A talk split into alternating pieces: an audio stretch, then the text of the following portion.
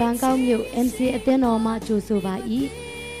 ဤတရားစကားတော်သည် အသက်ရှင်သောကြောင့်သင်ဤဘဝတစ်ခုလုံးပြောင်းလဲပြီးကောင်းချီးဖြစ်မည်ဟုကျွန်ုပ်တို့ယုံကြည်မျှော်လင့်ပါ၏ဤတရားစကားအပြင်တန်ရှင်တော်ဝိညာဉ်တော်သင်အားစကားပြောပါစေသောဤတရားဟောချက်သည် စီးပွားရေးအဖြစ်မဟုတ်လျင်လက်ဆင့်ကန့်ကူးယူဖြန့်ဝေနိုင်ပါသည် အပတ်စဉ်တရားဟောချက်များခံယူလိုပါက mcatalent.com တွင်ဆက်သွယ်နိုင်ပါသည်ရှိလို့မဖြစ်တော့တာသမီးများကျွဲကိုရပီချာရဲ့နှုတ်ကပတော်လေးဖြစ်ပြီးအလုံးမင်္ဂလာပါဒီညနေချိန်ထိတိုင်အောင်မနေ့စောကြရနော်ဖျားခင်ကိုပြိုကိုဝဲချင်တယ်မျက်မှောက်တော်မှာနေကြတဲ့သူရောက်စီတိုင်းကိုဖျားခင်သူကောင်းကြည့်ပေးပါစေ။ ကျမတို့နှုတ်ကပတ်တော်တွေ့ခဏလေးဆုတောင်းရအောင်တရှင်၍ကောင်းမြတ်ဆုံးလင်းတော်မူသောဘုရားသခင်ကိုရောကြည်စုတင်တဲ့တဏီတာလုံးသားမီးတို့ကိုခွန်အားပေးတော်ကြောင့်ဒီခုချိန်ထိတိုင်အောင်ကိုရောရှိတော်မောင်းမှာကိုရောကိုကိုွယ်နေရခြင်းအတွက်ကြည်စုတင်နေခဏညနေမှာသားမီးတို့အတွက်ဝိညာဉ်ရေးအမှာဖျားရှင်ဖွင့်ပြမဲ့အရာကောင်းကြီးမင်္ဂလာဖြစ်စေပါတယောက်ချင်းစီတိုင်းရဲ့အသက်တာအတွက်ကောင်းကြီးဖြစ်ရပါမိကြောင်းနှုတ်ကပတ်တော်နဲ့တမီးတို့အသက်တာ နှလုံးသားများအသီးသီးကိုဆက်ကပ်တိခါသက်ရှင်တော်ယေရှုဖျားနာမနဲ့ဆုတောင်းဆက်ကပ်အနံပါ၏အာမင်ဆိုဒီညနေမှာကျွန်မဝင်းငါချင်တဲ့အကြောင်းအရာကကျွန်မတို့ယုံကြည်သူများအားလုံးဒီခရစ်တော်ရဲ့ကိုယ်အင်္ဂါဖြစ်တယ်အဲဒီခရစ်တော်ရဲ့ကိုယ်အင်္ဂါများဆိုတဲ့ခေါင်းစဉ်ကျွန်မပေးထားတယ်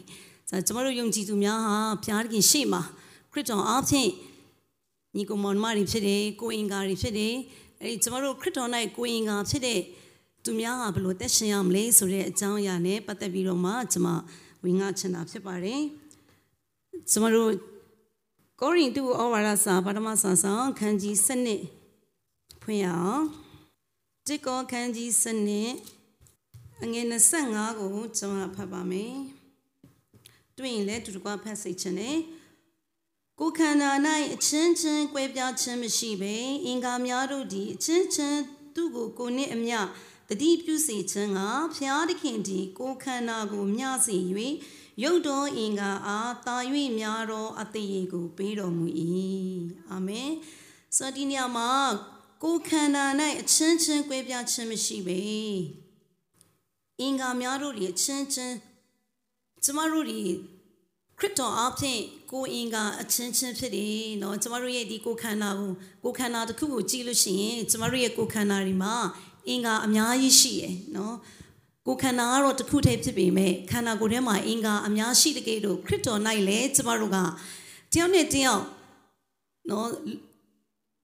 မောင်နှမအရင်နေမဟုတ်ပေတော့လည်းပဲခရစ်တော်၌ကျမတို့ကတလုံးတော်ဝသည်ခရစ်တော်၌ညီကုံမောင်နှမချင်းဖြစ်တယ်ဒါကြောင့်မလို့ကိုခန္ဓာမှာအချင်းချင်းကွဲပြားခြင်းမရှိဘူးလို့ပြောတယ်။ဥဆုံးကျမအဲ့နေရာမှာကိုခန္ဓာ၌အချင်းချင်းကွဲပြားခြင်းမရှိ ဖို့ရန်အကြောင်းနဲ့ပတ်သက်ပြီးတော့မှဦးဆုံးကျမအဲ့ဒီမှာဝင်ရမယ်ဒုတိယတစ်ချက်ကတော့အချင်းချင်းသူ့ကိုကိုနဲ့အမျှတတိပြုစေခြင်းကျမတို့ခရစ်တော်၌ညီကိုမောင်နှမတွေဖြစ်တဲ့အခါမှာအချင်းချင်းဘလို့တတိပြုပြီးတော့မှအသက်ရှင်ရမလဲဆိုတဲ့အကြောင်းအဓိကအဲ့ဒီနှစ်ချက်ကိုချိန်ပြုပြီးတော့ဝင်ငါချင်ပါတယ်ဆိုတော့ကိုခန္ဓာ၌အချင်းချင်းကွဲပြားခြင်းမရှိဘူးကျမတို့ရဲ့ခန္ဓာကိုယ်ထဲမှာတစုံတစ်ခုအင်္ဂါတစ်ခုခုများ ချွင်ရင်သွားတယ်ဆိုရင်အားနေသွားတယ်ဆိုရင်ကျမတို့အသက်ရှင်ရတာဆက်မပြေဘူးเนาะကိုခန္ဓာထဲမှာအင်္ဂါတွေအများကြီးရှိပေမဲ့လက်တန်းလေးဒါမှမဟုတ်ရင်လက်ထိတ်လေးနာသွားတဲ့ခါမှာကျမတို့တကုံလုံးနာကျင်ရတယ်နေရတာအဆင်မပြေဘူးနာတာတော့တနေရာแท้ပါပဲဒါပေမဲ့ခန္ဓာကိုယ်တစ်ခုလုံးနေလို့မပြောထိုနည်း၎င်းပဲကျမတို့ရဲ့ခရစ်တော်၌ကိုယ်အင်္ဂါများလဲကွဲပြားခြင်းရှိတဲ့ခါမှာ နော်ဘုရားသခင်ရှေ့မှာကျမတို့ဘုန်းတော်မထင်ရှားဘူးဘုရားရဲ့အလင်းမရှိဘူးဒါကြောင့်ကျမတို့ခရစ်တော်၌ကိုယ်အင်္ဂါချင်းဖြစ်တဲ့သူများဟာဘုရားသခင်ရဲ့အလိုတော်ကကွဲပြားခြင်းမရှိဖို့ရန်အတွက်အလိုတော်ရှိတယ်ဆိုတော့အဲ့ဒီတစ်ကောခန်းကြီးစနစ်ထဲမှာပဲအငယ်20ခွန်ကိုပို့ပြီးတော့နားလည်အောင်ဖတ်ရအောင်20ခွန်မှာနော်သင်တို့ဒီခရစ်တော်ဤကိုဖြစ်ကြ၏အသီးဒီအင်္ဂါတော်ဖြစ်ကြ၏အာမင် ဆိုတော့သင်တို့ဒီလို့ပြောတဲ့အခါမှာယုံကြည်သူအရောက်တိုင်းကိုပြောတာဖြစ်တယ်နော်ဆိုတော့ယုံကြည်သူအရောက်တိုင်းကဘာဘာဖြစ်တယ်လဲခရစ်တော်ဤကိုဖြစ်တယ်တဲ့ဟာလေလုယာကျမတို့တွေကခရစ်တော်ရဲ့ကိုဖြစ်တယ်ခရစ်တော်ကကျမတို့ရဲ့ဦးခေါင်းဖြစ်တယ်နော်ဆိုတော့အသင်းတော်ကလည်းခရစ်တော်ရဲ့ကိုယ်ဖြစ်တယ် နော်ခရစ်တော်ကတော့အသင်းတော်ရဲ့ဦးခေါင်းဖြစ်သည့်နည်းတူဒီနေ့ကျမတို့တွေအားလုံးဟာခရစ်တော်ရဲ့ကိုယ်ထဲမှာရှိတဲ့ညီကိုမောင်နှမတွေဖြစ်တယ်ခရစ်တော်ရဲ့ကိုယ်ခန္ဓာထဲမှာရှိတဲ့အင်္ဂါတော်တွေဖြစ်တယ်ဒီမှာပြောထားရင်နော်အတီးဒီအင်္ဂါတော်ဖြစ်ကြ၏အင်္ဂါတော်ဒေါ်လို့သုံးတဲ့အခါမှာဖခင်နဲ့ဆိုင်တဲ့ရာဖြစ်တဲ့အတွက်ကြောင့်ကျမတို့တွေဟာခရစ်တော်ရဲ့အင်္ဂါတော်ခရစ်တော်နဲ့ဆက်ဆိုင်တဲ့ခရစ်တော်ရဲ့ ခရစ်တော်ရဲ့ကိုယ်ထဲမှာကျမတို့အင်္ဂါတော်တစ်ခုဖြစ်ခွင့်ရခြင်းဟာတကယ်ပဲကျေးဇူးတော်ချီးမွမ်းစရာဖြစ်တယ်ဆိုတော့ခရစ်တော်ရဲ့ကိုယ်ဖြစ်တဲ့အတွက်ကြောင့်တန်ဖိုးထားမှာဖြစ်တယ်ကျမတို့ရဲ့ဒီမြင်နေရတဲ့ကိုယ်ခန္ဓာကိုယ်တော်မှာကျမတို့ခြေစံပြားအနေခြေဖြားသည့်ကျမတို့တန်ဖိုးထားတယ်ဟုတ်တယ်နော်တခုမှတန်ဖိုးမထားတာတခုမှမရှိဘူးကျမတို့ရဲ့ကိုယ်ခန္ဓာမှာလေသပင်တစ်ချောင်းကျွတ်သွားရင်လည်းနှမျောတယ် နော်ဂယုဆိုင်တယ်သပင်ကအစကျမတို့ဂယုဆိုင်ပြီးတော့မှအသက်ရှင်နေဆိုရင်ခရစ်တော်ရဲ့ကိုယ်ခန္ဓာထဲမှာရှိတဲ့ကျမတို့ယုံကြည်သူများသည်လေတော့တန်ဖိုးထားရမယ်ကိုနစ်ဆက်ဆိုင်တော့သူကိုကိုနစ်အများချစ်ပါလို့ခရစ်တော်တွင်တင်ထားတဲ့အရာဟာကျမတို့အားလုံးဟာခရစ်တော်ရဲ့ကိုယ်ခန္ဓာထဲမှာရှိတဲ့အင်္ဂါတော်များဖြစ်တဲ့အတွက်ကြောင့်နော်ဘုရားသခင်ကကျမတို့ကိုတယောက်နဲ့တယောက်တန်ဖိုးထားခိုင်းနေဆိုတာကိုတွေ့ရပါတယ်ဆိုတော့ကိုယ်ခန္ဓာမှာအချင်းချင်း ကွဲပြားမယ်ဆိုရင်ဘုရားသခင်ရဲ့ဘုရားသခင်ရဲ့အိမ်တော်ဘုရားသခင်ရဲ့နိုင်ငံတော်ကနော်ဘုံတော်ထင်ရှားတင်တယ်လို့ကျမတို့အားဖြင့်မထင်ရှားဖို့အကြောင်းဖြစ်လာမယ်ဆိုတော့ကျမတို့တစ်ကောထဲမှာပဲအခန်းကြီး1ထဲမှာတစ်ချက်လမ်းရအောင်တစ်ကောအခန်းကြီး1အငယ်30မှာနော်တစ်ကောခန်းကြီး1ငယ်30ညီကိုတို့သင်တို့ရှိသမျှသည်စကားတညီတညွတ်သည်ဖြစ်၍ အချင်းချင်းမကွဲပြားပဲစိတ်တဘောတဒံတတမတ်တီရှိသည်နှင့်စိတ်ဆက်ဆုံလင်ကြမိကြောင်းငါတို့တခင်ယေရှုခရစ်၏နာမတော်ကို အမိပြု၍သင်တို့ကိုငါနိုးစော်တောင်းပန်ပါ၏အာမင်ရှင်ပေါလုကကျမတို့ယုံကြည်သူတွေကိုမကွဲပြားစေဖို့ရန်အတွက်ဒီမှာနော်ကိုရိန္သုတင်းတော်မှာရှိနေတဲ့ယုံကြည်သူများကိုလည်းနိုးစော်ထားတယ်ဒီကျမ်းပိုက်ကိုကြောင်းချင်းစင်ချင်းတဲ့ကမှာလေအရန်ခွန်အားရတယ်ကျမဒီ နိညာဝင်ကားတဲ့ရာကကျမတက်တာအတွက်ဆင်ချင်ထားတဲ့ရာဖြစ်တယ်ဒီမှာကျမပြင်ပြီးတော့မှနော်ဝင်ကားချင်တာဆိုတော့တင်တို့ရှိသမျှဒီကျမတို့ယုံကြည်သူအယောက်တိုင်းနေစကားတညီတညွတ်တီဖြစ်၍ကျမတို့နောက်ကနေထွက်တဲ့အရာအားလုံးဟာနော်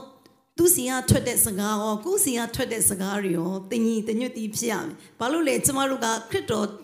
night တသားတကူတီးတကူတီးထဲမှာရှိတဲ့ကိုအင်္ဂါတွေဖြစ်တဲ့အတွက်ကြောင့်ကျမတို့နှုတ်ကနေထွက်တဲ့အရာတွေဟာတဒံနဲ့ဖြစ်ရမယ်နော်ဆိုတော့ဒီမှာအချင်းချင်းမကွဲပြားပဲစိတ်တဘောကလည်းတဘောထားချင်းတူညီရမယ်နော်ဆုံးစည်းဆက်ဆုံးနေမိအကြောင်းငါတို့သခင်ယေရှုခရစ်ရဲ့နာမတော်ကိုအမိပြု၍အဲ့မှာသခင်ယေရှုခရစ်ရဲ့နာမတော်ကိုအမိပြု၍ဆိုတာပါတယ်ကျမတို့ကမွေးဖွားလာတဲ့မိဘချင်းနော်မတူတဲ့အခါမှာ သူစရိုက်ကိုစရိုက်ဆိုတာရှိပါတယ်ဒါပေမဲ့ကျမတို့ကခရစ်တော် night ကိုအင်္ဂါဒီဖြစ်တဲ့အတွက်ကြောင့်ခရစ်တော်ကိုခရစ်တော်ရဲ့နာမတော်ကိုထောက်ထားပြီးတော့မှခရစ်တော်ရဲ့နာမတော်ကိုအမိပြုပြီးတော့မှเนาะဒီမှာရှင်ဘောလူကိုယ်တိုင်ကလည်းပြောတယ်ခရစ်တော်ရဲ့နာမကိုအမိပြု၍သင်တို့ကိုတိုက်တွန်းလို့ဆိုရယ်เนาะကျမတို့ခရစ်တော်နာမ၌ ကျမတို့ညီညွတ်ဖို့ဖြစ်တယ်တယောက်နဲ့တယောက်ကွဲပြားဖို့ဖျားခင်အလိုတော်မရှိဘူးကျမတို့ရဲ့အတွေးခေါ်တွေသဘောထားတွေဟာဝိညာဉ်ရေးရနဲ့ဆိုင်တဲ့ဝိညာဉ်အတွေးခေါ်နဲ့ဆိုင်တဲ့အရာဝိညာဉ်သဘောနဲ့ဆိုင်တဲ့အရာပဲဖြစ်ရမယ်စကားပြောရင်လည်းကျမတို့ဝိညာဉ်ရေးရနဲ့ဆိုင်တဲ့အရာတွေပဲဖြစ်ဖို့ဖျားခင်ကအလိုတော်ရှိတယ်။နော်ကျမတို့ သဘောထားခြင်းကျမတို့ရဲ့စိတ်သဘောထားကဝိညာဉ်သဘောနဲ့ဆိုင်တဲ့သဘောထားဖြစ်ရမယ်။ဒါဆိုသူစီမှာရှိတဲ့စိတ်သဘောကလည်းဝိညာဉ်သဘောဖြစ်တယ်။ကျမစီမှာရှိတဲ့စိတ်သဘောကလည်းဝိညာဉ်သဘောဖြစ်တဲ့အခါမှာဘယ်လိုနည်းနဲ့မှကွဲပြားစရာအကြောင်းမရှိဘူး။ကွဲပြားခြင်းကွဲပြားနိုင်တဲ့အကြောင်းအရာတွေကတော့အများကြီးရှိနိုင်တယ်။ဘာလို့လူကများတယ်လीနော်။ တို့တော့ကျမတို့ရဲ့သဘောထားတွေကဝိညာဉ်သဘောဖြစ်တဲ့အတွက်ကြောင့်ဘလို့အကြောင်းအရာနဲ့မှကျမတို့ကိုဘုရားတခင်ကကွဲပြားဖို့အလိုတော်မရှိဘူး။ဘာလို့ကျမတို့ရဲ့သဘောထားတွေအတွေးခေါ်တွေကတစ်ထပ်သေးဖြစ်တဲ့အခါမှာနော်အသင်းတော်မှာမိသားစုမှာကျမတို့ရဲ့မိတ္တဟာရမှာကွဲပြားစရာအကြောင်းမရှိဘူး။ဒါပေမဲ့ သူကသူ့ရဲ့တဘောကတမျိုးကိုယ့်ရဲ့တဘောထားကတမျိုးဖြစ်မယ်ဆိုရင်တော့ကွဲပြားနိုင်တဲ့အရာတွေဖြစ်နိုင်တယ်။တို့တော့ကျမတို့ကခရစ်တော်၌တကိုယ်ဒီတော့အင်္ဂါများဖြစ်တဲ့အတွက်ကြောင့်เนาะကျမတို့တဘောထားတွင်တူညီဖို့ဒီမှာတွင်တင်ထားတာတွေ့ရပါတယ်။နောက်ကျမ်းပိုက်တစ်ခုယောမဩဝါဒစာခန်းကြီး7 ယောမစနဲ့အငယ်16ကိုဖတ်ပါမယ် အချင်းချင်းစိတ်တဘောတညီတညွတ်တီးရှိကြလောအာမင်အချင်းချင်းယုံကြည်သူများကိုပြောတာဖြစ်တယ်စိတ်တဘောထားခုနပြောတဲ့ကျမတို့ကတယောက်နဲ့တယောက်မွေးဖွားလာတဲ့နေရာချင်းလဲမတူလို့မိဘချင်းလဲမတူတဲ့အခါမှာတယောက်နဲ့တယောက်အသွေးခေါ်တော့တူချင်မှတူမယ်ဒါပေမဲ့ဝိညာဉ်လူဖြစ်တဲ့ခရစ်တော်၌အင်္ဂါချင်းဖြစ်တဲ့အတွက်ကြောင့်ကျမတို့မှာရှိတဲ့သဘောထားတွေဟာဝိညာဉ်သဘောပဲဖြစ်ရမယ်ဒါကြောင့်ကျမတို့ရဲ့စိတ်သဘောဟာတညီတညွတ်တီ ရှိဖို့ဖြစ်တယ်နော်ဖခင်ကိုချစ်တဲ့နေရာမှာသူညီရမယ်ဖခင်ခင်နိုင်အစီခံခြင်းမှာသူညီရမယ်အာမင်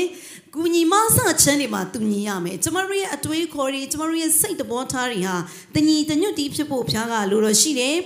ကျမအောက်မှာဆက်ပြီးဖတ်မယ်ဂုံစည်းစိမ်ကိုငဲ့ကွက်ခြင်းမရှိကြနဲ့နော်ကျမတို့ရဲ့ဂုံနေတယောက်နဲ့တယောက်ဟိုအဆင့်တန်းတူချင်လူအနေနဲ့ကြည့်ရင်တော့ အဆင့်တန်းနေတူချင်မှတူမယ်နော်တချို့ကပညာရှိတွေရှိမယ်တချို့ကပညာမရှိတဲ့လူရှိမယ်တချို့ကချမ်းသာတဲ့လူရှိမယ်တချို့ကဆင်းရဲတဲ့လူရှိတယ်ဒါပေမဲ့အဲ့ဒီအရာပေါ်မှာငဲ့ကွက်ခြင်းမရှိဘဲနဲ့ဘာပြောလဲနှိမ့်ချတော့သူတို့ကိုနော်နှိမ့်ချတော့သူတို့ကိုအပေါင်းဖို့လောက်ကြလောဟာလေလုယာဆိုတော့နှိမ့်ချတဲ့ကျမတို့ဝိညာဉ်လူဟာ လောကမှာသက်ရှင်တဲ့အခါမှာကျမတို့ရဲ့ပေါင်းတင်ဆက်ဆံရေးလူမှုဆက်ဆံရေးကျမတို့ရဲ့ပေါင်းတင်ရမယ့်သူတွေထဲမှာနှိမ့်ချမယ့်သူတွေကိုပဲပေါင်းဖို့တဲ့တယ်အာမင်ဆိုတော့ဝိညာဉ်သဘောရှိတဲ့သူဟာနော်ဝိညာဉ်သဘောနဲ့ပေါင်းဖို့တတ်ဖို့ဘုရားကအလိုတော်ရှိရဲ့ငါသည်ပညာရှိ၏ဟုကိုကိုမထင်ကြနဲ့နော်ကိုကိုကို ဟိုငါပညာရှိတယ်ငါဂုံရှိတယ်မာမနာမထောင်လွားဖို့ပြောတာဖြစ်တယ်ဆိုတော့တယောက်နဲ့တယောက်ကျမတို့နှိမ့်ချတဲ့သဘောနဲ့ပေါင်းတင်ဆက်ဆံမယ်ဆိုရင်ကျမတို့တယောက်နဲ့တယောက်ဆက်ဆံမှုကြားမှာမိတ္တဟာယကြားမှာအစင်မပြေစရာအကြောင်းဘယ်ရာမှမရှိဘူး ဆိုတော့ကျမတို့လောကမှာသက်ရှင်တဲ့အခါမှာကျမတို့ဖះကိုကိုးကွယ်တယ်ဖះကိုယုံကြည်တယ်ယုံကြည်ခြင်းနဲ့သက်ရှင်ကြတယ်တို့တော့ကျမတို့ဖះကိုကိုးကွယ်တယ်ဆိုပေမဲ့ကျမတို့လက်တွေ့မှာနော်ဖះလူချင်းဖြစ်တဲ့ယုံကြည်သူချင်းချင်းနဲ့ကျမတို့ကမြဲတဲ့နေ့စဉ်နဲ့အမျှထိတွေ့ရတယ်နော်ပြီးတော့မှအခြားတပါးသောအမျိုးသားတွေနဲ့နော်ဖះကိုမယုံကြည်တဲ့သူတွေနဲ့လည်းထိတွေ့ရတယ်ဆိုရင်ကျမတို့အသက်ရှင်ရမယ့်ကျမတို့ရဲ့မိတ္တဟာယ ဆက်ဆံမှုမှာကတော့နှိမ့်ချခြင်းနဲ့ဝိညာဉ်သဘောနဲ့ကျမတို့ပေါင်းသင်းပြီးတော့မှအသက်ရှင်မယ်ဆိုရင်ဘယ်သူနဲ့မှအစင်မပြေစရာအကြောင်းမရှိဘူးတို့တော့တခါတည်းမှာကျမတို့ကကိုယ့်သဘောနဲ့ကိုမိတ္တရာဖွဲ့တယ်ကိုယ်စိတ်သဘောနဲ့မထိတွေ့ဘူးဆိုရင်ကျမတို့သူ့နဲ့ပေါင်းသင်းရတာအစင်မပြေဘူးလို့ထင်တတ်တယ်တို့တော့ကျမတို့ဝိညာဉ်သဘောနဲ့နော်ကျမတို့ပေါင်းသင်းဆက်ဆံမယ်ဆိုရင်ဒီညမှာပြောတယ်နော်နှိမ့်ချတဲ့သူတွေနဲ့ နှိမ့်ချသောသူတို့ကို အပေါင်းဖို့လောက်ကြလောနော်အဲ့ဒီစကားစုလေးကျွန်မခွန်အားရမ်းရတယ်ကျွန်မတို့ပေါင်းတင်ဆက်ဆံရမယ့်လူတွေအများကြီးရှိပါတယ်ဆိုတော့ကျွန်မတို့တကယ်ပေါင်းတင်ဆက်ဆံရမယ့်သူကနော်နှိမ့်ချတဲ့သူနဲ့ပေါင်းဖော်မယ်ဆိုရင်တက်တက်တာထဲမှာလည်းနှိမ့်ချတဲ့သဘောအဲတက်ရောက်လာမှာဖြစ်တယ် လူကနော်အာဝိညာဉ်ရေးရမှာလဲကူးဆက်တယ်နော်ဝုမုံတွေကကူးဆက်တယ်လို့ပြောတယ်ဆိုတော့ဝိညာဉ်ရေးရမှာလဲကျမတို့အာမြန်မာစကားရှိရလေနော်တန်ငါနာနီးတန်ငါဖြစ်တယ်ဆိုတာဆိုတော့ဝိညာဉ်သဘောရှိတဲ့လူနဲ့နှိမ့်ချတဲ့လူနဲ့ပေါင်းဖော်တဲ့အခါမှာတင့်မှာလဲအဲ့ဒီနှိမ့်ချတဲ့စိတ်သဘောတွေရရှိလာမှာဖြစ်တယ်အာမင်နောက်ထပ်ကျမ်းပိုင်းအိဖက်ဩဝါဒစာခန်းကြီး9ငွေ21 ကျမတို့တွေ့ရင်အဲ့ဒီကျမ်းပိုက်ကိုတူတကွဖတ်အောင်အေဖက်အခန်းကြီး9ငွေ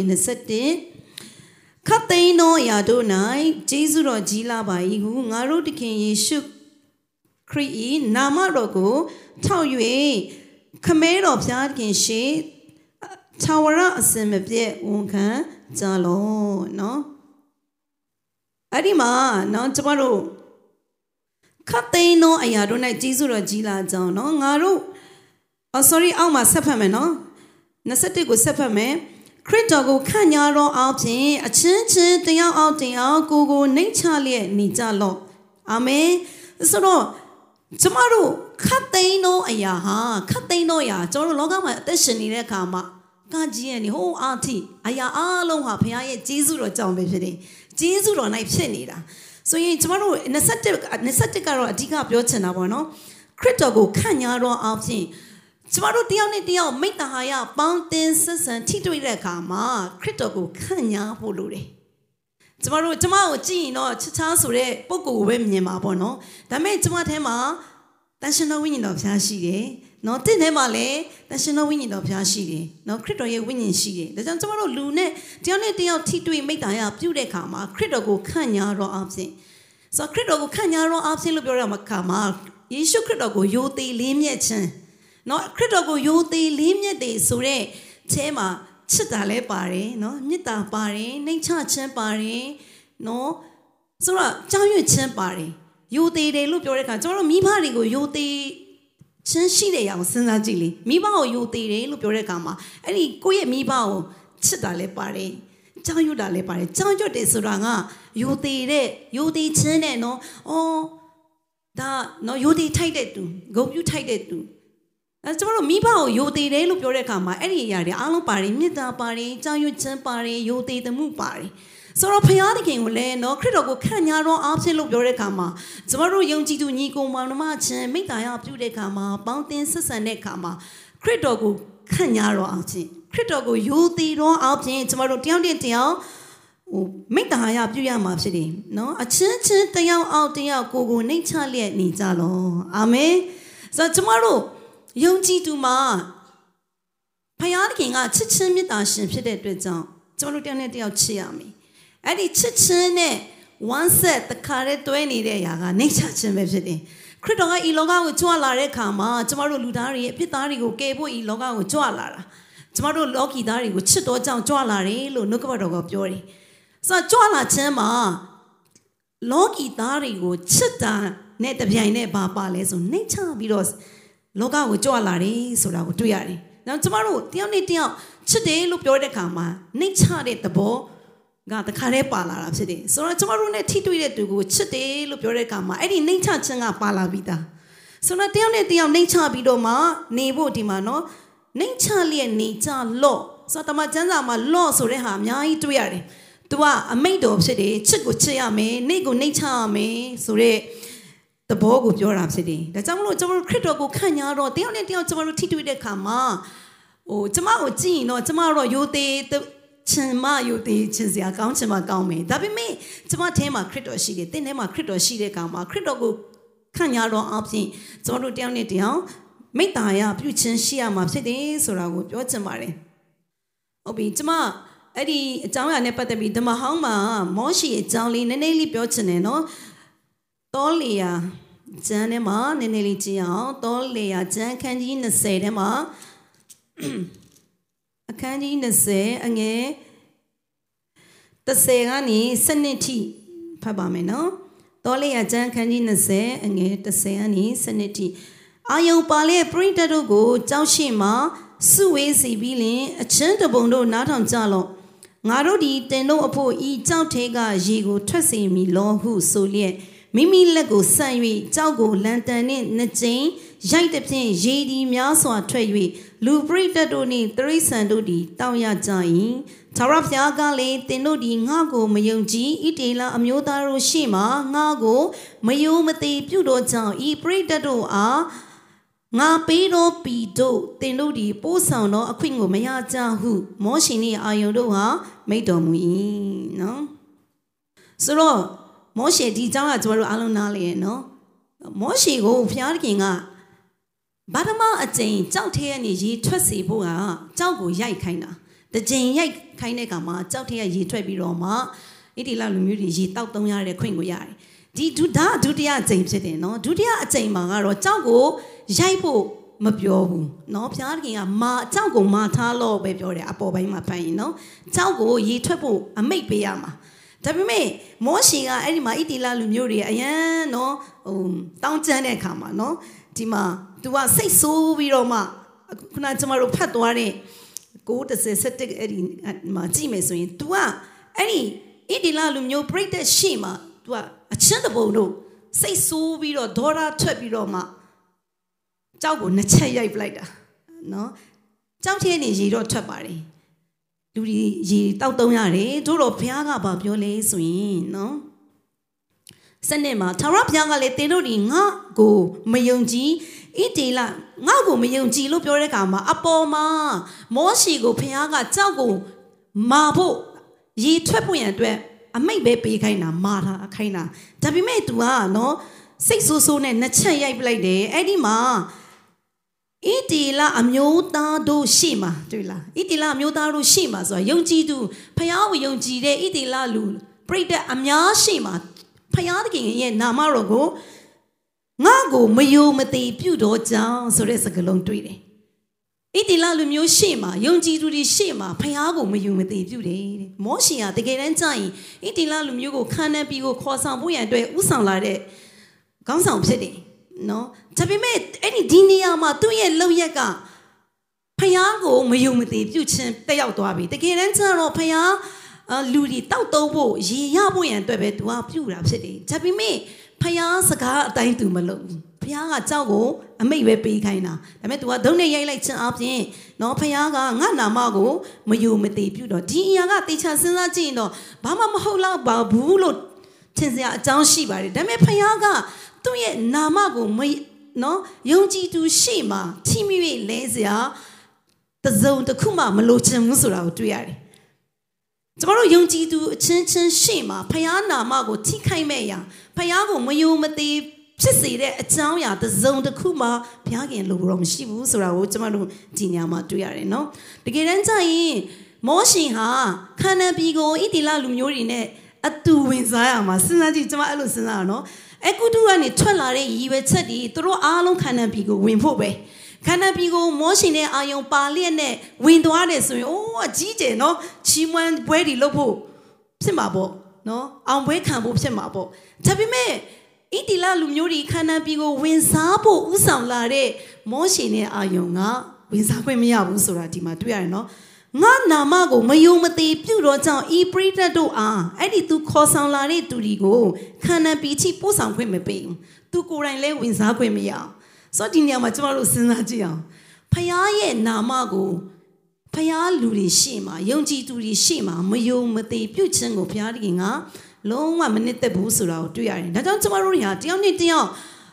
ဂျားထဲမှာเนาะကျမတို့နေ့စဉ်ထိတွေ့တဲ့သူကတော့လူလူချင်းပဲเนาะအလုတ်ခွင်မှာ အသင်းတော်မှာနော်အချင်းချင်းကျမတို့ယုံကြည်သူချင်းထိတွေ့ရတယ်မိသားစုပြုနေရတယ်ကျမတို့တယောက်နဲ့တယောက်ဘယ်လောက်ထိအယိုသေးပြုတယ်လဲတယောက်ကိုတယောက်စကားပြောတဲ့အခါမှာပြုမှုဆက်ဆံတဲ့အခါမှာပြုမှုကြင့်ကြံတဲ့အခါမှာတင်းရဲ့အပြုမှုအပြောဆိုတွေကဖះကိုမယိုသေးရရောက်ရရောက်တဲ့ အပြုတ်မှုများဖြစ်နေသလားဆိုတာကိုဒီနေ့ကျမတို့နေ့စဉ်သုံးသပ်ပြီးတော့မှအသက်ရှင်တဲ့နေဒီစကားပြောလိုက်ရင်နော်ဘုရားနာမတော်ထိခိုက်เสียရှိသလားသူ့အတွက်ထိမိလဲเสียဖြစ်စေသလားကိုယ့်ရဲ့အပြုတ်မှုအပြောဆိုတွေနော်ကျမတို့တတိပြုဖို့ရှိတယ်ဆိုတာကိုကျမဒီညမှာ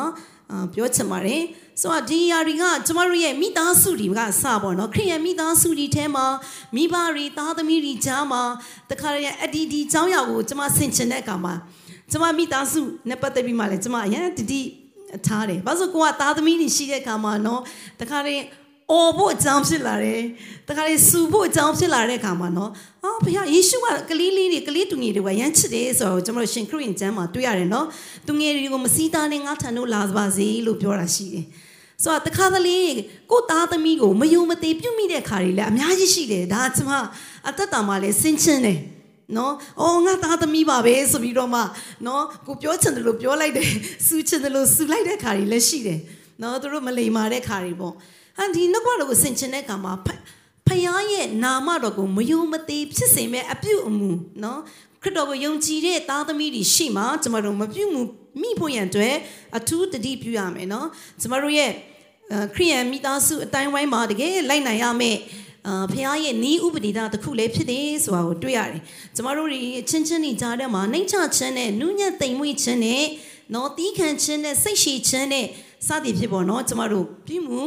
ပေါင်းတင်မိတ္တာရပြုရမှာဖြစ်တယ်။ယေရှုခရစ်တော်ကနုညံ့သိမ်မွေ့တဲ့စိတ်တော်ရှိတယ်ဆိုတာတွေ့ရတယ်နော်။ဆိုတော့ကျမတို့တွေရောခရစ်တော်ရဲ့ကိုယ်အင်္ဂါဖြစ်တဲ့ကိုကရောနုညံ့သိမ်မွေ့ခြင်းရှိသလားနော်။ နှိမ့်ချခြင်းရှိသလားနှိမ့်ချခြင်းနဲ့သက်ရှင်သလားဆိုတာကိုဒီနေ့ကျမတို့ဆင်ခြင်ရမှာဖြစ်ပါတယ်နောက်တစ်ခုကခုနကျမတစ်ကောခန်းကြီးစနစ်25မှာဖတ်သွားတဲ့အချင်းချင်းသူ့ကိုကိုနဲ့အမျှတတိပြုစေခြင်းအချင်းချင်းယုံကြည်သူတယောက်နဲ့တယောက်အချင်းချင်းမှာတတိပြုဖို့ဘာတွေတတိပြုရမှာလဲနော်တစ်ကောခန်းကြီး30မှာကြည့်အောင် အားလုံးရတဲ့စမ်းပိုက်ပါပဲဒါပေမဲ့နှုတ်ကပတ်တော်ဖြစ်တော့ကြောင်းเนาะကျွန်တော်တို့တူတူဖတ်အောင်တစ်ကောခန်းကြီး30အငယ်31 တွေ့ရင်ဖတ်ရအောင်နော်သင်တို့ဒီစားတော်၎င်းတောက်တော်၎င်းမိသည့်အမှုကိုပြုတော်၎င်းဖျားတခင်၏ဘုန်းတော်ကိုထောက်၍ခတ်သိမ်းသောအမှုကိစ္စကိုပြုကြလောအာမင်စတိနေမှာနော်သင်တို့ဒီစားတော်၎င်းတောက်တော်၎င်းမိသည့်အမှုပဲပြုပြု စားသည်၎င်းတောက်တော်၎င်းမိသည့်အမှုပဲပြုပြုဖျားသခင်ရဲ့ဘုန်းတော်ကိုထောက်၍လို့ပြောတယ်ဟာလေလုယာကျမတို့စားတာကစားတောက်တာကစားမိသည့်အမှုပဲပြုပြုဆိုတာခတ်သိမ်းသောအမှုပါပြီဘယ်လိုကိစ္စအမှုပဲဖြစ်ဖြစ်ခတ်သိမ်းသောအမှုကိုပြုနေတဲ့အချိန်မှာဘုရားသခင်ရဲ့ဘုန်းကိုထောက်ပါတဲ့ဘုရားသခင်ရဲ့ဘုန်းကိုထောက်၍ခတ်သိမ်းသောအမှုကိစ္စကိုပြုပါလို့ပြောတယ်ဆိုရင်ကျမတို့သွားလီယာမှာရောက်လီယာမှာဘုရားဘုန်းကိုထောက်ပြီးတော့မှာ ဘာလို့ကျမတို့ယုံကြည်သူဆိုတာကဘုရားဘုန်းတော်ထင်ရှားမဲ့သူတွေလေအာမင်ရောက်တဲ့နေရာတင်ရှိတဲ့နေရာမှာဘုရားခင်ဘုန်းတော်ထင်ရှားဖို့ဖြစ်တယ်။ဘယ်နေရာပဲရောက်ရောက်ကျမတို့ကဘုရားဘုန်းတော်ထင်ရှားမဲ့သူတွေဖြစ်တယ်။ဒါကြောင့်ဘုရားဘုန်းကိုထောက်ပြီးတော့မှစကားပြောရင်လည်းဘုရားဘုန်းကိုထောက်ပြီးစကားပြောရမယ်။ဘာကိစ္စပဲပြုပြုခတ်သိမ်းတော့မှုမှာဘုရားဘုန်းကိုထောက်ထားပြီးတော့မှကျမတို့ပြုမှုအသက်ရှင်ရမှာဖြစ်ပါတယ်။အာမင်။ဆိုတော့နော်ဘုရားရဲ့အလိုတော်နဲ့အသက်ရှင်ရမယ့်အချက်တွေဖြစ်တယ်။ ဘာလို့လဲဆိုရင်တော့ကျမတို့ခုနအာအဲ့ဒီတက်ကောခန်းကြီးစနစ်ကိုလေကျမရန်နှစ်သက်တယ်တင်တို့လည်းအချိန်ရလို့ရှိရင်အခန်းကြီးတက်ကနေဟိုအဆုံးထိဖတ်ကြည့်ပါနော်ကျမလည်းအချိန်ချင်းဖတ်တယ်ဆိုအခန်းကြီးအခန်းငယ်၁၈ကိုရောက်လာတဲ့အခါမှာလေခရစ်တော်ရဲ့ကိုအင်္ဂါထဲမှာကျမတို့ကိုထည့်ထားတယ်ဆိုတာကိုပြောတယ်နော်ကျမတို့ကခရစ်တော်ရဲ့ကိုအင်္ဂါထဲမှာခရစ်တော်ရဲ့ခရစ်တော်ရဲ့ကိုယ်ထဲမှာထည့်ထားတဲ့သူတွေဖြစ်တဲ့အတွက်ကြောင့်ခန္ဓာကိုယ်အတွင်းထဲမှာရှိတဲ့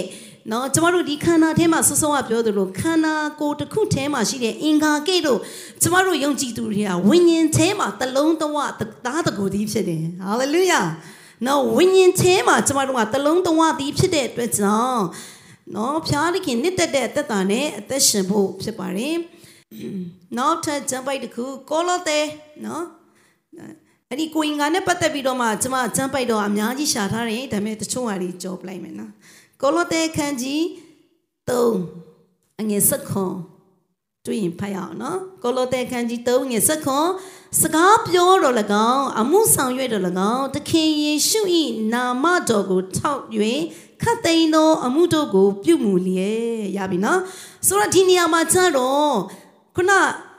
ကျမတို့ဟိုဆာမှာလည်းပါတယ်တိကော30 31ကပါတဲ့အကျမ်းပြန်ပေါ့နော်ဒီမှာကျတော့ယေရှုခရစ်ယေရှု သခင်ယေရှု၏နာမတော်ကိုထောက်၍လို့ပြောတယ်သခင်ယေရှု၏နာမတော်ခုနတစ်ကောမှာကျတော့ဖရားဘုံကိုထောက်ပြီးတော့မှပြုမှုရမယ်ဒီနေရာမှာကျတော့သခင်ယေရှု၏နာမကိုထောက်ရမယ်အာမင်သခင်ယေရှုနာမကိုထောက်ပြီးတော့မှနော်ကျမတို့ခတ်သိမ်းသောအမှုကိုပြုမှုဖို့ဖြစ်တယ်တခါတည်းရန်ကျမတို့လက်လွတ်စပယ်ပြောတတ်တယ်ပြုမှုတတ်တယ်နော်ကျမတို့ရဲ့အာအပြောဆိုတွေအပြုမှုတွေကျမတို့ရဲ့အကြည့်တွေအသွားအလာတွေကအာ လက်လွတ်စပယ်ဖြစ်တတ်တယ်ကျမတို့ဟာနော်ဘုရားဘုံနဲ့ဘုရားဘုံကိုထောက်ပြီးတော့သွာလာပြုမှုနေထိုင်ရမယ်နောက်တစ်ချက်ကတော့နာမတော်ကိုထောက်ပြီးတော့မှခတ်သိမ်းသောအမှုကိစ္စကိုပြုပါတဲ့နော်ဘာပဲလို့လို့အလုတ်ထဲမှာတော့၎င်းတငင်ချင်းတွေဂျားထဲမှာတော့၎င်းမိသားစုဂျားမှာတော့၎င်းမောင်နှမတွေဂျားထဲမှာတော့၎င်းကျမတို့ခရစ်တော်နာမကိုထောက်ပြီးတော့သင်ပြုမှုပြောဆို အသက်ရှင်မယ်ဆိုရင်ကျမတို့က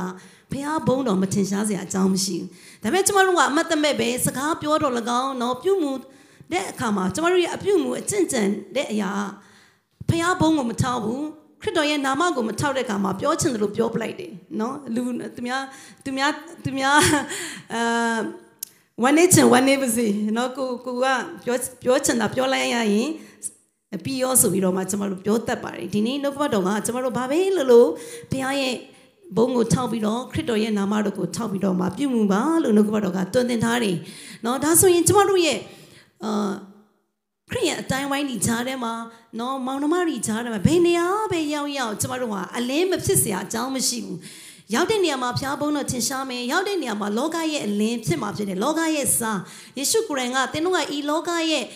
အလင်းဖြစ်တယ်လို့ပြောတယ်လीနော်ဤလောကရဲ့စားဖြစ်တယ်လို့ပြောတယ်ကျမတို့အားလုံးနဲ့လိုက်လျောညီထွေပြီးတော့မှဖြစ်နေဖို့ဆိုတာကခရစ်တော်ရဲ့နာမကိုထောက်ပြီးတော့မှအသက်ရှင်မယ်ဆိုရင်เนาะကျမတို့လောကအလင်မှာအလင်းဖြစ်မယ်လောကရဲ့စားဖြစ်မယ်ဆိုတာကိုနှုတ်ကပတော်အပြင်ကျမတို့ဆင်ခြင်ရပါတယ်เนาะနောက်ကျမတို့ဟေဘေခန်းကြီး30 အငယ်20 25တဲ့အဲ့ဒါမှဖတ်တော့ဘူးနော်ဟေဘေး30ထဲမှာရှိရဲ့24 25အချင်းချင်းစီဝေးချင်းအမှုကိုမရှောင်မလေးကြနေလို့ပြောတယ်နော်အချင်းချင်းမိတ္တရာပြုခြင်းမှာနော်ကျမတို့အချင်းချင်းဖြစ်တဲ့ယုံကြည်သူတွေကအမြဲတမ်းထိတွေ့ရတယ်မိတ္တရာလုံရတယ်ကျမတို့ထူးထူးတင်းတော်မှာဆိုရင်နော်မိတ္တရာရှိတယ်လေနော်မိတ္တရာကိုစီရှိတဲ့ခါမှာတယောက်နဲ့တယောက်တလုံးတဝတီနော်မကွဲပြားပဲနဲ့စီစီလုံးလုံးဖြစ်ဖို့ ဖျားလို့တော့ရှိတယ်ကျမတို့ကိုစီးဝေးဖို့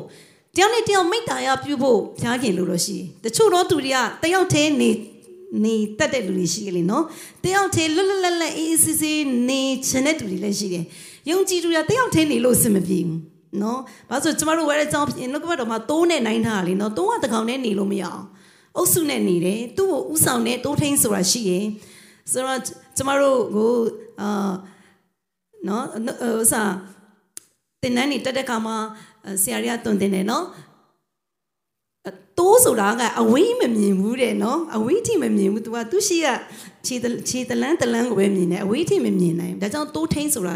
ရှိတာဖြစ်တယ်ဆိုတာကိုတွေ့ရတယ်ဆိုတော့ကျမတို့ယုံကြည်သူဆိုတာအုပ်စုလိုက်နေပြီးမိသားရောက်ဖွဲ့ပြီးတော့မှတယောက်နဲ့တယောက်တက်တာဖို့တယောက်နဲ့တယောက်တိဆောက်ဖို့ဖြစ်တယ်နော်ဩဝါဒဆောင်းဆောင်းနေမှာကြည့်တဲ့အခါမှာကျမတို့ကတယောက်နဲ့တယောက်တက်တာစရာအကြောင်းဖြစ်တယ်တဲ့နော် သူ့အပြည့်ကိုတက်တာစရာအကြောင်းဖြစ်ရမယ်ကိုအပြည့်သူဒီတက်တာစရာအကြောင်းဖြစ်ရမယ်အချင်းချင်းကျမတို့ကတယောက်နဲ့တယောက်တီဆောက်နေရတဲ့သူဖြစ်တဲ့အတွက်ကြောင့်အရောက်တိုင်းနေရေးကြီးတယ်အာမင်မိတ္တာယမှာအကြီးဆုံးကနေအသေးဆုံးထိအသင်းတော်မှာလည်းထုံနည်း၎င်းပဲနော်တယောက်ဆရာမဆာ၍ဟိုးအဆုံးထိအငယ်ဆုံးတော့သူကြီးအရေးကြီးတယ်တယောက်နဲ့တယောက်ကျမတို့ဝิญဉာဏ်မှာတီဆောက်နေတာဖြစ်တယ်အပြန်လန်းကျမတို့ကတတ်တာစရာအကြောင်းပဲဖြစ်ရမယ်အာမင် ဆိုတော့ဒါပေမဲ့ကျမတို့ယုံကြည်သူတွေခရိယန်အတိုင်းဝိုင်းနေကြည့်တဲ့ခါမှာเนาะတခါတလေอืมတက်တာစရာအကြောင်းမဖြစ်ပါမဖြစ်ဘဲနဲ့เนาะဝမ်းနေစရာအကြောင်းတွေလည်းဖြစ်တတ်ပါတယ်เนาะကျမတို့တတိပြုရမှာဖြစ်ပါတယ်နောက်ထပ်ကျမ်းပိုက်တစ်ခုဖတ်ချင်တယ်ဟေရှာယအခန်းကြီး30ဟေရှာယနာဂတိကျမ်းအခန်းကြီး30အဲအခန်းငယ်1ကနေ3ထိလောက်ကျမတို့အဲ့ဒီကျမ်းပိုက်ကိုအတူတကွဖတ်ရအောင်เนาะ ဣရှာယနာဂတိကျမ်းခန်းကြီး30အငယ်1ကနေ3ထိထာဝရဘုရားတွေ့ပြီလားထာဝရဘုရားမိန့်တော်မူသည်ကပုံကံသောအမျိုးသားတို့သည်အမင်္ဂလာရှိကြ၏သူတို့သည်ငါကို အမိမပြုဘဲအချင်းချင်းတိုင်ပင်ကြ၏ငါဝိညာဉ်အခွင့်မရှိဘဲမိတ္တာယဖွဲ့၍အထက်ထက်အပြည့်ရောက်ကြ၏ ဖာရောဘုရင်၏ဘုံကိုအမိပြု၍အဂုတုအရေးကိုခိုးလုံခြင်းကငါနှုတ်ထွက်ကို အခွင့်မပန်ပဲအဂုတုပြည်တို့ရောက်အောင်တွားကြ၏တို့ဖြစ်၍သင်တို့သည်ဖာရောဘုရင်၏ဘုံကိုအမိပြုသောကြောင့်ရှက်ကြောက်ကြလိမ့်မည်အဂုတုအရေးကိုခိုးလုံသောကြောင့်မျက်နာပြတ်ကြလိမ့်မည်ရပြီနော်ဆိုဒီနေရာမှာနော်တတိပေးတဲ့အရာဖြစ်တယ်ဖျားရဲ့နှုတ်ကပတ်တော်နော်ထာဝရဖျားမိတ်တော်မူတရားဖျားခင်ပြောတာ စပြောကြတဲ့ပုံကန်သောအမျိုးသားတို့တဲ့နော်ဖျားလူတွေကိုဖျားခင်ပြောတဲ့ရာပုံကန်သောအမျိုးတို့တဲ့နော်အမင်္ဂလာရှိတယ်တဲ့ဘာဖြစ်လို့လဲနော်ဘာဖြစ်လို့အမင်္ဂလာရှိတယ်လို့ပြောတာလဲသူတို့ဒီငါ့ကိုအမိမပြုတ်ပဲအချင်းချင်းတိုင်ပင်ကြတယ်နော်ဒီနေရာမှာဣတိလလူမျိုးတွေကစစ်တိုက်ခြင်းအမှုမှာနော် ဖျားတခင်ကိုတိုင်ပင်ပြီးတော့မှစစ်တိုက်တာမဟုတ်ပဲနဲ့နော်သူတို့စစ်အောင်ဖို့ရန်အတွက်နော်ဒီစစ်အင်အားရှိတဲ့စစ်အင်အားရှိတဲ့ဒီမှာကျွန်တော်တို့ခုနဖတ်သွားတယ်နော်ဖာရောဘုရင်ဤဘုံကိုအမိပြုပြီးတော့နော်နော်ဖာရောဘုရင်ကိုသူတို့ကိုးစားတယ်စစ်အင်အားတောက်တဲ့သူတွေနဲ့တိုင်ပင်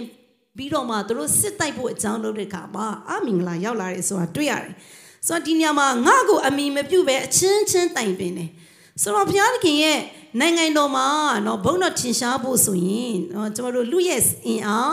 အာလူရဲ့အစွမ်းစားနဲ့မဖြစ်နိုင်ဘူးနော်ဘုရားနိုင်ငံတော်ကျေပြန့်ဖို့ဘုရားဘုန်းတော်ထင်ရှားခြင်းဘုရားအထူးသဖြင့်ဘုရားရဲ့နိုင်ငံတော်တနေ့တစ်တနေ့ကျေပြန့်ဖို့ဆိုရင်ကျမတို့ရဲ့လူအင်အားအစွမ်းတတိကိုအမိပြုပြီးတော့မှဘယ်တော့မှဘုရားရဲ့နိုင်ငံတော်ကျေပြန့်ဖို့မဖြစ်နိုင်ဘူးဆိုတော့ဒါကြောင့်ဒီမှာဘုရားကငါ့ကိုအမိမပြုပဲအချင်းချင်းတိုင်ပင်ကြတယ် ဒီစကလုံးကိုဆင်ခြင်တဲ့အခါမှာနော်ကျမတို့တွေလည်းမိသားစုတွေကြားထဲမှာအသင်းတော်တွေမိသားရတွေအဖွဲ့အစည်းတွေကြားထဲမှာကျမတို့သဇုံတခုအထူးသဖြင့်ဖျားရဲ့နိုင်ငံတော်နဲ့ပတ်သက်ပြီးတော့၎င်းကျမတို့အမှုကိစ္စတွေလှုပ်ဆောင်တဲ့အခါမှာတိုင်ပင်ဆွေးနွေးတဲ့အခါမှာဖျားရဲ့နာမကိုအမိပြုပြီးတော့မှတိုင်ပင်ရမှာဖြစ်တယ်။ဖျားရဲ့နာမဒီမှာနော်ငါ့ကိုအမိပြု၍ဖျားကိုအမိပြုတဲ့လို့ပြောတဲ့အခါမှာဖျားတခင်ကတတ်နိုင်တယ်ဖျားကိုအားကိုးခြင်းနဲ့ဖျား လှုပ်ပေးမယ်ဆိုတော့ဖျားကိုကိုးစားခြင်းနဲ့ကျမတို့တိုင်ပင်ဆွေးနွေးဖို့လိုတယ်နော်ဒီမှာသူတို့တွေကနော်လူရဲ့အင်အားကိုသူတို့ကိုးစားတယ်လူရဲ့အစွမ်းစားအားဖြင့်စစ်တိုက်ဖို့သူတို့တိုင်ပင်ကြတယ်စစ်အင်အားများတဲ့လူနဲ့ပေါင်းပြီးတော့မှသူတို့စစ်တိုက်ဖို့အကြောင်းလုပ်တဲ့အခါမှာသူတို့စစ်ရှုံးနေနော်ဒါကြောင့်မို့ဒီနေရာမှာအခန်းငယ်နဲ့မှာနော်ဖာရောဘုရင်ဘုံကိုအမိပြု၍အမှန်တကယ်ကြရင် ဣတိလလူမျိုးတွေကဖျားကိုအမိပြုပြီးတော့ဖျားတခင်ကိုကိုးစားပြီးတော့မှတိုင်ပင်ဆွေးနွေးခြင်းနဲ့တွားရမယ်ဒါပေမဲ့ဖာရောဘုရင်ဤဘုံကိုအမိပြုတယ်လူရဲ့ဂုံလူရဲ့သက်ဆွမ်းနိုင်ခြင်းကိုအမိပြုပြီးတော့မှတိုင်ပင်ဆွေးနွေးတဲ့အခါမှာသူတို့မှာအမင်္ဂလာရောက်လာတယ်ဆိုတာကိုကျွန်တော်တို့နော်ဟိုအောက်ကိုဆက်ဖတ်ရင်တွေ့ရပါတယ်အကြောင်းအခန်းငယ်3မှာသူကဘာပြောလဲတို့ဖြစ်၍တင်တို့တွေဖာရောဘုရင်ဘုံကိုအမိပြုတော့ကြောင့်ရှက်ကြောက်ကြလိမ့်မည် ဒီနေ့ကျွန်တော်တို့ရဲ့အမိပြုခြင်းတွေလောကအရာမဖြစ်ဘူးကျွန်တော်တို့စင်ချင်ရမှာဖြစ်တယ်နော်လောကနဲ့ဆိုင်တဲ့အရာပေါ်မှာကျွန်တော်တို့အမိပြုလိုက်တဲ့အခါမှာကျွန်တော်တို့ဆုံးရှုံးစရာအဆက်ကွဲစရာနော်ကျမတို့ကြာဆင်းစရာအကြောင်းတွေဖြစ်လာနိုင်တယ်။ဒါကြောင့်ကျမတို့အမိပြုရမယ့်အရာသည်ဘုရားသခင်ကိုပဲအမိပြုခြင်းဘုရားသခင်ကိုပဲကိုးစားခြင်းနဲ့ကျမတို့လှုပ်ဆောင်ရမှာဖြစ်တယ်ဆိုတွေ့ရပါတယ်။နော်ကျမတို့ယေလမိအနာဂတိကျမ်းမှာလည်းတွေ့ရတယ်နော်မဖတ်တော့ အခန်းငယ်အခန်းကြီးဆက်ခွန်မှာကြည့်တဲ့အခါမှာလူတရဝါကိုအမိပြုတဲ့ဖြင့်စိတ်နှလုံးထဲကထာဝရဘုရားထံတော်ကနေထွက်သွားတဲ့သူဟာကျင့်အပ်တဲ့သူလို့ပြောပြောထားတာတွေ့ရတယ်ဆိုတော့ဖះကိုအမိမပြုတ်ဘူးဆိုရင်ဖះနဲ့ဆန့်ကျင်ဘက်လမ်းကိုသွားတဲ့အတွက်ကြောင့်အမင်္ဂလာပဲကြုံရမယ်ကျမတို့ကဖះနဲ့တမာတရားနဲ့မသွားဘူးဆိုရင်တမာတရားရဲ့ဆန့်ကျင်ဘက်ကနော်စာတန်နဲ့ဆိုင်တဲ့ຢာပဲလीနော် ဒါကြောင့်မလို့ဒီနေ့ကျမတို့ဖះကိုအမိမပြုတ်ခြင်းဖះနာမကိုအမိမပြုတ်ဘူးဆိုရင်ကျမတို့မှာအမင်္ဂလာတွေပဲရောက်လာနိုင်စရာအကြောင်းရှိတယ်ဆိုတော့တတိပြုရမှာဖြစ်ပါတယ်ဟုတ်ပြီကျမတို့ဇာခရစ်နောက်ဆုံးကျမ်းပိုက်အနေနဲ့ကျမဇာခရစ်နာဂတိကျမ်းခန်းကြီး၄မှာနော်တစ်ချက်ကြည့်အောင်ဇာခရိနာဂတိကျမ်းခန်းကြီး၄အငယ်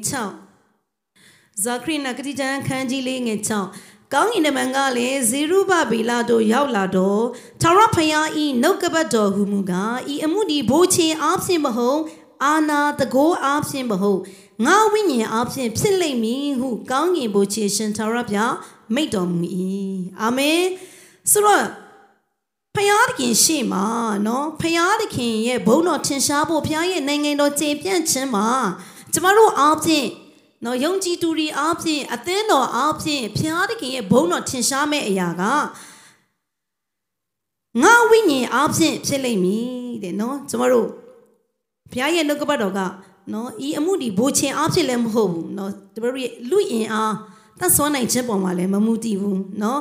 အာနာတကောအဖြစ်မဟုတ်ငါဝိညာဉ်အဖြစ်ဖျားသခင်ရဲ့ဝိညာဉ်တော်အဖြစ်ပဲ ဖျားရဲ့နိုင်ငံတော်ကျေပြန့်မယ်နော်ဖျားသခင်ရဲ့အသင်းတော်ဟာလည်းဖျားရဲ့ဝိညာဉ်တော်အဖြစ်ပဲနော်ဘုန်းတော်ထင်ရှားဖို့ဖြစ်လာမယ်တရှင်တော်ဝိညာဉ်တော်အဖြစ်ဝိညာဉ်တကောအဖြစ်နော်ဖျားသခင်ရဲ့ဝိညာဉ်တော်အဖြစ်ပဲကျမတို့ကလူနဲ့စကားပြောတဲ့ခါမှာလေလူထဲမှာဖျားရဲ့ဝိညာဉ်ရှိတဲ့အတွက်ကြောင့်အဲ့ဒီဖျားရဲ့ဝိညာဉ်တန်ရှင်တော်ဝိညာဉ်တော်ကိုထောက်ထားခြင်းအပြင်ကျမတို့ပြုမှုဆက်ဆံ ခြင်းပြုရမှာဖြစ်ပါတယ်เนาะတန်ရှင်တော်ဝိညာဉ်တော်ကိုအမြင်ပြုတဲ့အခါမှာเนาะဖခင်ရဲ့နိုင်ငံတော်ကကျေပြန့်လာတယ်အသင်းတော်မှာလည်းဝိညာဉ်တော်အသင်းတော်မှာဝိညာဉ်တော်လှုပ်ရှားပြီဆိုရင်เนาะကျမတို့အသင်းတော်မှာအာတင်းဦးဆရာကြီးဆိုနေနားလေတယ်နော်အော်ဝိညာဉ်တော်အလုပ်လုပ်ပြီဝိညာဉ်တော်တကူဆင်းသက်ပြီဆိုရင်အဲ့ဒီဝိညာဉ်တော်ရဲ့လှုပ်ဆောင်မှုကိုပဲလိုက်ပြီးတော့မှလှုပ်ဆောင်နေဆိုတော့တွေ့ရတယ်။ဒါကြောင့်ကျမတို့အသက်တာထဲမှာဘုရားသခင်ရဲ့တန်ရှင်တော်ဝိညာဉ်တော်ကိုအမိပြုခြင်းနော်ဘုရားသခင်ရဲ့အမှုတော် သခင်ယေရှုခရစ်တော်ရဲ့အာသာသနာအမှုတော်စတင်ခဲ့တဲ့အရာကိုကျမတို့ရှင်ခရစ်ဝင်ကျမ်းမှာကြည့်တဲ့အခါမှာလေတန်ရှင်တော်ဝိညာဉ်တော်ဆင့်သက်လာတဲ့ချိန်ကနေစပြီးတော့မှနော်ဗင်တေကုတ်တွေပွဲနေမှာတန်ရှင်တော်ဝိညာဉ်တော်ဟာမိရှာကဲတို့ကဲတို့ဆင့်သက်ကြွလာတဲ့ချိန်ကနေစပြီးတော့မှဝိညာဉ်တော်အလုတ်လုတ်လာတဲ့အခါမှာများစွာတော့တူတီပြောင်းလဲတယ်။အဲဒါဝိညာဉ်ယေရှုခရစ်တော်ရဲ့သာသနာအစတည်လဲဝိညာဉ်တော်တကုန်းနဲ့ပဲစတာဖြစ်တယ်။အဲကြောင့်ဒီနေ့ကျမတို့နေ့စဉ်သက်ရှင်တဲ့အခါမှာနော်အဲ ကျမတို့ထဲမှာဘုရားရဲ့တန်ရှင်တော်ဝိညာဉ်တော်ရှိတဲ့အတွက်ကြောင့်ထိုတန်ရှင်တော်ဝိညာဉ်တော်ကိုအမိပြုပြီးတော့မှဝိညာဉ်တော်ကဒီအရာကိုကျမတို့ပြောဆိုမယ်ပြုမှုမယ်ဆိုဝိညာဉ်တော်နှစ်သက်သလားနော်အဲ့ဒီဝိညာဉ်တော်ရဲ့အတန်ကိုကျမတို့နားထောင်ရမှာဖြစ်တယ်ဝိညာဉ်တော်ကဘလို့သဘောရှိတယ်လဲဆိုတော့ကိုကျမတို့အတွင်းထဲမှာသိတယ်နော်ကျမတို့တယောက်ယောက်ကိုများစိတ်ဆိုးလိုက်ရင်ကျမတို့ဝိညာဉ်ထဲမှာခံစားရတယ်နော်ဖျားခင်မကြိုက်ဘူး ဒီလူကိုစိတ်ဆိုးလိုက်တယ်ဒီလူကိုဒီလူဒီစကားပြောလိုက်တယ်ဒါဝိညာဉ်တော်ဖျားမကြိုက်ဘူးဆိုတာကျမတို့ရဲ့အတွင်းထဲမှာကိုကသိနေတာဖြစ်တယ်။နော်နေ့စဉ်ကျမတို့ဝိညာဉ်တော်နဲ့တိုင်ပင်ပြီးတော့မှနော်အသက်ရှင်မယ်ဆိုရင်နော်ကျမတို့အသက်တာထဲမှာဘုရားခင်ရဲ့နိုင်ငံတော်ဟာကြည်ပြန့်လာမယ်ဘုရားဘုန်းတော်ထင်ရှားလာမှာဖြစ်တယ်။နော်တို့ကြောင့်ကျမအချုပ်အနေနဲ့ပြောချင်တာကကျမတို့တွေဟာခရစ်တော်ရဲ့ကိုယ်အင်္ဂါဖြစ်တယ်။ခရစ်တော်ရဲ့ကိုယ်အင်္ဂါဖြစ်တဲ့သင်နဲ့ကျမချင်းမှာတန်ရှင်တော်ဝိညာဉ်တော်ဖျားရှိတယ်။ နော်ဖျားခင်ကျင်းဝတ်တယ်။ဘုရားခင်ကျင်းဝတ်တယ်ပြောရင်လည်းမှန်တယ်ဝိညာဉ်တော်ကျင်းဝတ်တယ်လို့ပြောရင်လည်းမှန်တယ်နော် ဆိုတော့ဘုရားခင်ရဲ့ဘုန်းကိုထောက်ထားပြီးတော့မှခတ်သိမ်းသောအမှုကိစ္စမှာပြုမှုဖို့ဖြစ်တယ်သခင်ရှုရဲ့နာမတော်ကိုထောက်ထားပြီးတော့မှခတ်သိမ်းသောအမှုကိုပြုမှုဖို့ဖြစ်တယ်နော်ဝိညာဉ်တော်ကိုအမိပြုပြီးတော့မှနေ့စဉ်ကျမတို့ကသက်ရှင်မယ်ဆိုရင်မိမိရဲ့တက်တာအဖြစ်ရောက်လေရာနေရာမှာဘုရားခင်ရဲ့ဘုန်းဘုရားရဲ့အလင်းကိုစောင်းနေသူများရောက်စီတိုင်းဖြစ်ရမှာဖြစ်ပါတယ်ဒါကြောင့်မလို့ကျွန်တော်တို့တရားနဲ့တရားမိတ္တရားပြုခြင်းပြုမှုဆက်ဆံခြင်းကျမတို့လှုပ်ဆောင်တဲ့အရာရာတိုင်းမှာ ကျွန်ုပ်ဒီခရစ်တော်ရဲ့ကိုယ်အင်္ဂါတစ်ခုဖြစ်တယ်ခရစ်တော်ရဲ့ကိုယ်ထဲမှာရှိတဲ့သူဖြစ်တယ်ဆိုတော့ကိုတတိပြုလဲအသက်ရှင်ဖို့ရန်အတွက်အာဝင်ငါပါတယ်ရောက်စီတိုင်းကိုဖျားခင်သူကောင်းချီးပေးပါစေ။